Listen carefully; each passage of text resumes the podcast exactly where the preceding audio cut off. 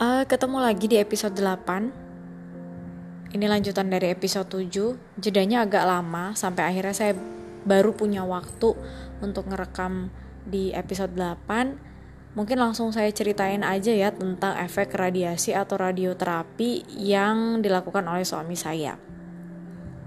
Jadi suami saya itu sudah melakukan 10 kali radioterapi atau radiasi dan efeknya adalah uh, radioterapi itu saya kurang bisa menjelaskan secara detail ya bagaimana prosesnya. Karena memang uh, hanya dijelaskan oleh dokter radiologi onkologinya tanpa melihat langsung prosesnya itu bagaimana. Dan suami saya juga nggak gitu cerita banyak tentang bagaimana sih prosesnya di dalam itu karena memang kondisi suami saya sudah sulit untuk berbicara normal karena nafasnya sudah agak sesak.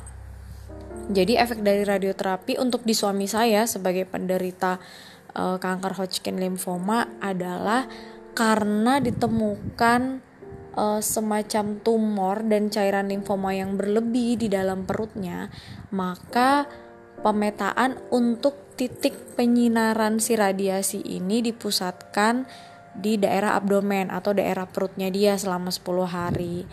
Nah, efek dari hari pertama sampai di hari ke-10 bahkan sampai sekarang suami saya itu uh, diare.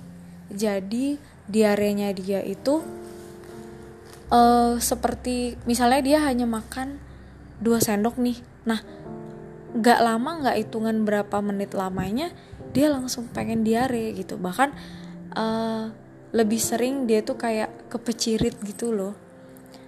Itu. Terus selain diare efeknya juga dia batuk pilek. Habis itu badannya juga udah mulai lemes banget dan karena dari hari pertama sampai hari ke 9 dia radioterapi itu saya nggak menemani. Saya masih ada di kota Bontang dan suami saya ada di Samarinda untuk melakukan radiasi. Ketika hari ke-10 radioterapi kita ketemu. Saya menghampiri dia di Samarinda dan kondisi badannya bener-bener uh, habis banget. Jadi itu kayak sisa kulit ama tulangnya aja. Ototnya tuh nggak berasa gitu. Padahal suami saya itu adalah uh, seorang pemain futsal badannya tuh uh, apa namanya ototnya bagus gitu kan waktu masih dipegang tuh masih bagus banget masih padat. Begitu kemarin ketemu di hari ke-10 dia radioterapi saya juga mendampingi itu badan udah habis banget dan memang udah nggak sanggup untuk berjalan seperti biasa. Jadi memang butuh kursi roda. Terus juga selain efeknya eh, kita lanjut ya selain efeknya juga ada di diare batuk pilek kemudian nafasnya itu dia ada keluhan nafasnya udah mulai sesak. Jadi ini kejadian seperti akhir tahun 2018 ada di episode 5 atau 6 yang pernah saya ceritakan. Dan ternyata begitu diperiksa kembali memang uh, di kabar terbarunya adalah kondisi terbarunya adalah di paru sebelah kiri atas itu memang ada tumor Nah, tumor itulah yang membuat nafasnya semakin sesak. Kemudian dia sudah mulai uh, susah berjalan, jadi memang butuh kursi roda.